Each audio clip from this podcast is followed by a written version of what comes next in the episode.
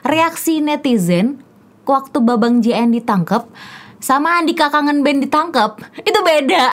Dari zamannya kita kecil itu kita udah kenal yang namanya dibully sama temen. Eh lu ada standar itu gak sih sebagai lo fresh graduate ya? Lo gaji gue harus gini nggak boleh di bawah ini. Halo kakak. Selamat siang kakak. Selamat pagi kakak. Selamat malam. Pada. Silakan kak dilihat-lihat dulu aja. Hai, apaan sih nih?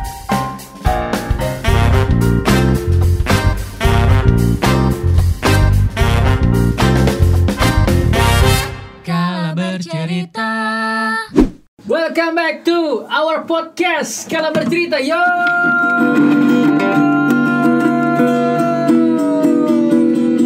Sudah dari saya Chandra dan juga Lugas Pratama yang nemenin di episode ke 10 Ya kita berusaha untuk menjaga konsistensi Untuk selalu upload per minggunya Ya nggak sih? sesuai dengan current issue ya. Iya, dan uh, sesuai dengan kebutuhan pendengar-pendengar kita yang selalu request, uh, Lugas, Risa, mana uploadan terbarunya gitu. Selamat siang buat Isan yang selalu nanyain Iya. kapan upload lagi. Tenang ya, kita usahakan setiap minggunya pasti ada upload. Nah, Kalau nggak ada uploadan berarti nggak ada current issue. Kalau bisa lo adain current issue. kalau nggak kita yang lagi buntu ya. Oke.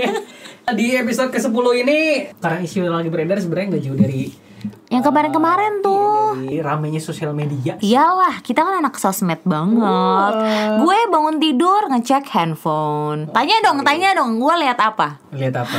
Akun. Waduh, Tanya dong, akun apa? akun apa? Lambe-lambean. Tanya dong kenapa? Kenapa? Karena gibah is number one. Aduh, ya Allah. Jauhkanlah dia dari api neraka. Pagi-pagi sudah terbawa unsur-unsur gibah dalam hidupnya. Eh. Lu tanya balik gua Oh, iya, tiap iya. pagi gua ngecek apa? eh, lo lo lo kalau tiap pagi ngecek apaan? Ngecek pampers anak gua. Eh, tapi kalau nggak karena gue ngecekin akun-akun itu ya, Heeh. gue jadi nggak tahu komen-komentar netizen soal yang kemarin sih. uh, artis yang ketangkep itu, si Mr. JN, Babang JN. Babang JN ketangkep gara-gara ganja ya. Ganja, ah. cuma yang gua gua jadi bahan-bahan pertimbangan, cia pertimbangan. jadi, jadi yang notisnya gue, notisnya gue, Babang JN kan emang ganteng ya. Reaksi netizen waktu Babang JN ditangkap sama Andika Kangen Band ditangkap itu beda. Iya sih. Terkadang saya sedih sih kalau baca komentarnya.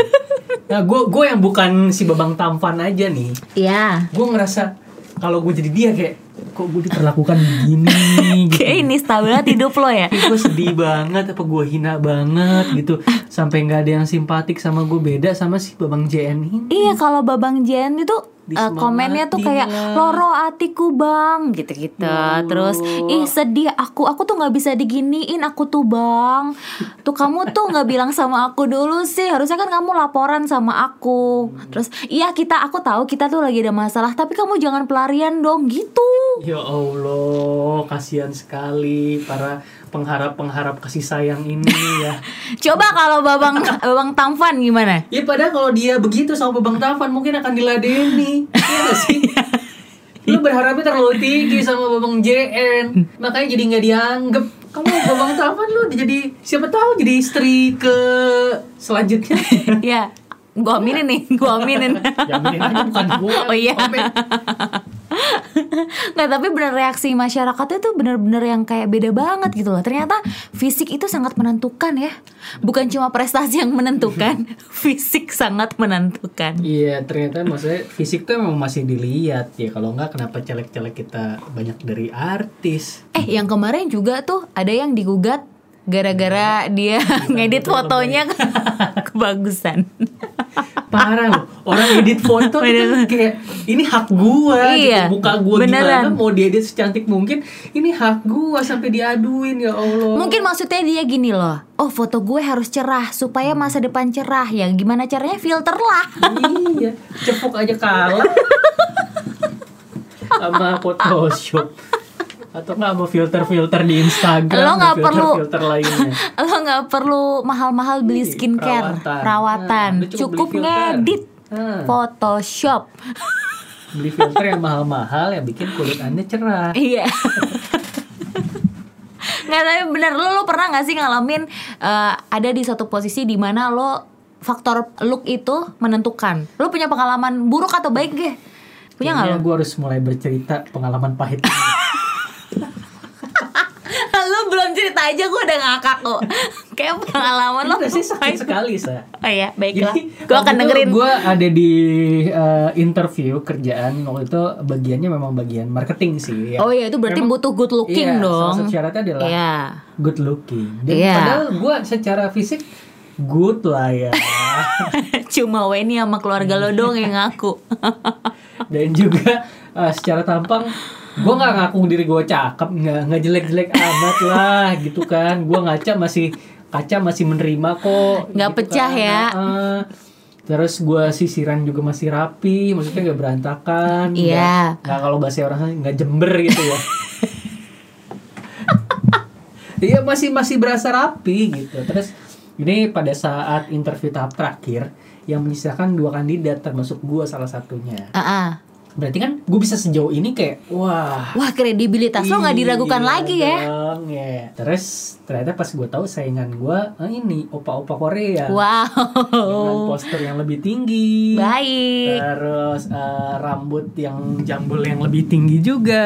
Wow luar biasa. Kulit sister. yang lebih bright ya kalau di editan tuh brightnessnya lebih naik gitu dibanding saya gitu Gak kan. mungkin lo ngeditnya kalau dia tuh nggak perlu banyak gitu kan. Iya, Sementara lo harus effort ya. naikin dulu apa pencahayaannya. Kalau saya yang edit harus pro. Iya, harus pro. Iya. Jadi agak ribet sebenarnya. Terus pada saat tahap interview, akhirnya di situ juga diumumkan kalau gua maaf, lu guys, kayaknya kamu belum bisa bergabung sama kita. Oh iya. oke. Hmm, Terus eh, gua ngelihat, wah ini kayaknya faktor fisik sih pertama Wih, yang pede ke- banget lo. Wah iya dong, Siapa secara tahu lo emang emang dia mampu lebih jauh lebih daripada lu. nggak yakin.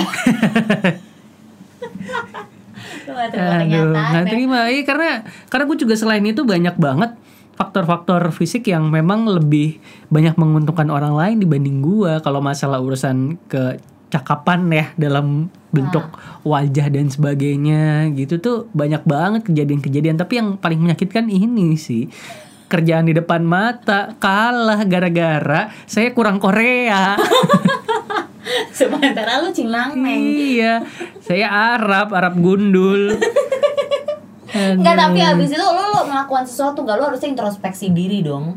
Kan udah jelas nih lo ditolak gara-gara tampang Hmm, kan. Setelah itu lo memperganteng diri lo kah setelah tadinya ya sempet cari skincare Korea misalkan gue ketik terus eh, apa Kayak maksudnya kita yang pemutih. Korea dia nyari apa sah skincare juga. ya Tahu Tuhan nggak dia dapat gara-gara apa? apa Gara-gara kan eh, YouTube dia ngelink ke gue kan. Ah. Jadi gue berteman sama dia kan. Jadi apa yang gue tonton direkomend ke dia. Ketahuan saya bani ya. Oke.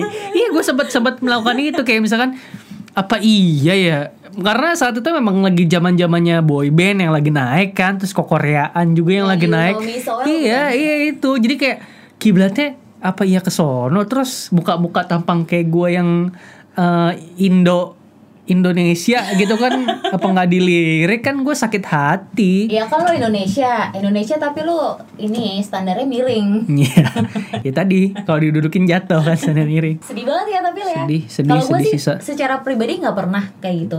Tapi kalau misalnya gue dibully sama netizen gue pernah. Tapi si JN ini juga dibully loh. Ah apaan? Ya, dibully. Enggak dong, dia Lo tau nggak? Dia uh, proyek film terbarunya dia. Oh yang itu yang Habibie Ainun. biopik, biopik uh, presiden ketiga Iya, Gue sebut kita. Habibie Ainun. Nah, iya itu. Ketiga. Gue coba alus-alus, dia langsung sebut ya. Langsung aja jadi, udah. jadi uh, banyak yang berkomentar kalau ternyata si Bebang JN ini diminta perannya diganti sebagai untuk memerankan Habibie versi muda. Eh tunggu dulu. Itu film kan bakalan tayang bulan Desember, Nah. ya kan? Sekarang bulan Agustus deh ya. Agustus. Agustus, September, Oktober, November, Desember masih lima bulan, bukan masih tinggal lima bulan. Minta diganti. Syutingnya gimana caranya? Nah, itu dia. Dari semuanya minta diganti, duitnya siapa? Nah, terus yang kemarin gimana kabarnya belum kalau syutingnya di luar negeri? Iya, belum lawan mainnya kan juga lagi sekolah. Nah, lawan mainnya lagi sekolah di luar negeri. Oh, Dibully lagi lawan mainnya. Sian nggak? tunggu tunggu. Jadi dua pemeran ini dibully, semua. Dibully. Yang satu dibully karena nggak pantas meranin karena terlibat kasus ganja ini. Mm-mm. Yang satu dibully karena buat gua kayaknya dia dibully untuk untuk dibully terlalu sempurna ya sebagai seorang wanita. Menurut gue ya, Maudy Ayunda juga termasuk salah satu artis atau ya bukan artis deh, cewek perempuan yang sempurna, cantik ya, Pintar. pinter, Stanford cuy, Ya, ya eh. kan? Terus dia jago nyanyi, Jago nyanyi. jago acting, Iya. kaya pula, Kaya pacarnya pula. juga kaya. Laki-laki mana yang tidak keblinger melihat wanita sesempurna ini? Iya, tapi emang gue lihat sih video itu. Jadi dia dibully gara-gara kan uh, netizen bilang kalau dia terlalu kurus, badannya kayak triplek. Hmm. Terus uh, matanya kecil sebelah. Terus ada juga yang bilang katanya, ih giginya gigi kelinci, nggak ini nih gitu. Parah ya. Lu sampai memperhatikan orang sedekat dan sedetil itu padahal ya balik lagi sih emang nobody's perfect lah ya. Iyalah. Setiap kita pasti punya kekurangan tapi apa iya harus lo omongin secara frontal di sosial media gitu kan di di komentar kalau lu nggak suka segampang ya udah lu nggak usah follow dia lu blok usah dan sebagainya dia gitu nah kan. iya Eh, tapi gue sendiri ya pernah lo ada di posisi mau di Ayunda. Lu pernah dibully juga? gue nggak sebanyak dia dan muka gue nggak secantik dia. gue, lo standar miring, gue standar jatuh. lu dibully apa sih sa gue sih nggak heran lo sendiri. Lagi kalau lo kan temen gue ketika Hmm. lo ngebully gue terus gue gue tahu kalau lo bakalan ngomong dengan cara intonasi kayak gini Hmm. suasana hati lo seperti apa dan gue masih bisa balas gitu. Tapi kalau orang lain yang gue nggak kenal gue suka dibully kayak ah gendut lo ah so cantik lo. Sering banget. Di komenan-komenan Instagram Komen lo? Instagram di feed kadang di DM kayak gitu gitu tapi itu lo lo hide lo delete gitu nggak sih akhirnya? Ada yang enggak ada yang gue saking annoying banget ya gue blokir lah Tapi kenapa ya kalau gua ngeliatnya gini sih fenomena ya memang ngebully orang secara fisik dan sebagainya itu emang salah ya. Cuma Heeh. kenapa kasusnya jadi lebay nggak sih kalau menurut lo? Kalau menurut gue sih lebay. Jadi karena dari zamannya kita kecil itu kita udah kenal yang namanya dibully sama temen sepermainan gitu sama temen ya temen komplek lo lo masuk SD ada lagi kata-kataannya lah yang lo ompong lah yang lo Kurus lah, pesek lah hitam lah jelek lah bau dan Sampai sebagainya sampai sekarang iya juga. kita juga sampai sedewasa ini kadang pun kita masih dibully gitu kan Cuma mungkin karena yang ngebully adalah teman lo, U. Jadi lo orang yang lo Hmm, kenal, oke. lo tahu mereka karakternya seperti apa. Jadi karena lo udah kenal dia, lo nggak sakit-sakit banget. Nah ini tiba-tiba ada orang asing yang nggak kenal lo siapa, terus langsung ngatain gitu aja, langsung main ngatain dan physically lagi ngatainnya. iya sih Jadi lo maunya kita tuh seperti apa? Lo harus kelihatan sempurna di depan orang setiap saat. Tapi kan kadar cantik itu kan relatif. Iya, yang penting jelek perempuan ya. mutlak ya. Parah sih, iya yang nggak bisa diterima aja sih ketika lo nggak nggak punya komentar lain ketika lo sudah jatuhnya nyerang fisik Iya, jadi lo jatuhnya jadi kayak lo nggak lo cuma memandang seseorang dari fisiknya physically saja. doang, lo nggak nggak Iya. bisa melihat kelebihan dan kekurangannya orang ini. Itu kayak gue rasa harus dikurang-kurangin deh kayak gitu. Mana bisa tangan-tangan jahil itu Oh dikurang-kurangi? iya. Belum tentu bisa lah. Jangankan uh, bullying karena fisik, bullying karena alma mater dia sekolah aja banyak yang terjadi Yang di kemarin- Indonesia ini. Hashtagnya sampai trending loh. Dan itu dibikin kaos loh. Nah. Ada orang yang pansos memanfaatkan Iya loh. kesempatan dalam kesempitan Dibikin ya. jersey loh, Bikin jersey. gila. Wah gila sih. Hashtag lulusan UI ya kan Iya, di jaket belakangnya komentarnya dia apa instastorynya dia. Tapi Beuh. menurut gua agak agak ini sih, agak agak gimana ya agak bukan kebangetan sih. Eh, agak lebay menurut gue. Kalau kali ini lebay kali ini lebay. Maksudnya gini ketika lo fresh graduate ya terus lo minta penghasilan dia oke lah. Hmm. mungkin dia punya apa eh, punya kemampuan yang di atas rata-rata. Mungkin mungkin. Tapi balik lagi kan kemampuan relatif orang menilainya. Hmm. cuma maksud gue kayak misalnya eh, ketika ngomong-ngomong apa ya Tetot. ya itu kan relatif kok Iya. relatif jadi kalau ketika lo posting di medsos itu jadi rame ya salah lo sendiri Ya menurut gua kayak dia cari sensasi deh ya. Tapi gara-gara dia posting banyak banget maksudnya reaksi-reaksi orang-orang. Kayaknya yang salah satu yang gue baca yang nge-tweet balas nge-tweet. Ini kan gue taunya di Twitter ya. Jadi dia yang nge-tweet gini berba ngebalasnya gini dia bilang ini lulusan UI nulis di eh, disatuin atau dipisah aja dia masih salah. Jadi kan dia nulisnya ada kalimat pokoknya dia diundang. Diundang yang diketik adalah di spasi undang. Di mana seharusnya diundang itu disatukan. lo Tuh. melawan netizen sementara netizen sendiri aja lebih detail daripada lo Nah. bahkan juga ada loh meme yang lain Apa? yang jadi kumpulan lulusan-lulusan UI yang kita kenal lah ini petinggi-petinggi di Indonesia lah ada eh, Pak Bakri, Hmm. Pak Pak Prabowo, yang kayak gitu, Pak Wiranto, lulusan UI semua. Cuma captionnya, ini juga lulusan UI, gajinya juga 8 juta, cuma bukan per bulan, per detik. iya.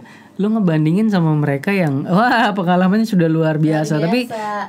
dari zamannya dulu ya, gue juga eh gue memang bukan lulusan universitas ternama ya, bukan lulusan jaket kuning. Saat gue lulus saat itu, bahkan sebelum lulus pun gue udah nyari kerja. Eh lu ada standar itu gak sih sebagai lo fresh graduate ya? Lo gaji gue harus gini, nggak boleh di bawah ini gitu ada gak sih lo? Dari dulu sih gue nggak pernah ya menetapkan standar. Kalau gue nanya teman-teman gue, emang rate lu berapa sih kalau misalkan kerja kayak gitu? Ada yang zamannya gue lulus dulu ya, itu ada yang bahkan nyampe 5 juta. Oke. Jadi zamannya gue lulus dulu UMR masih 2 komaan deh.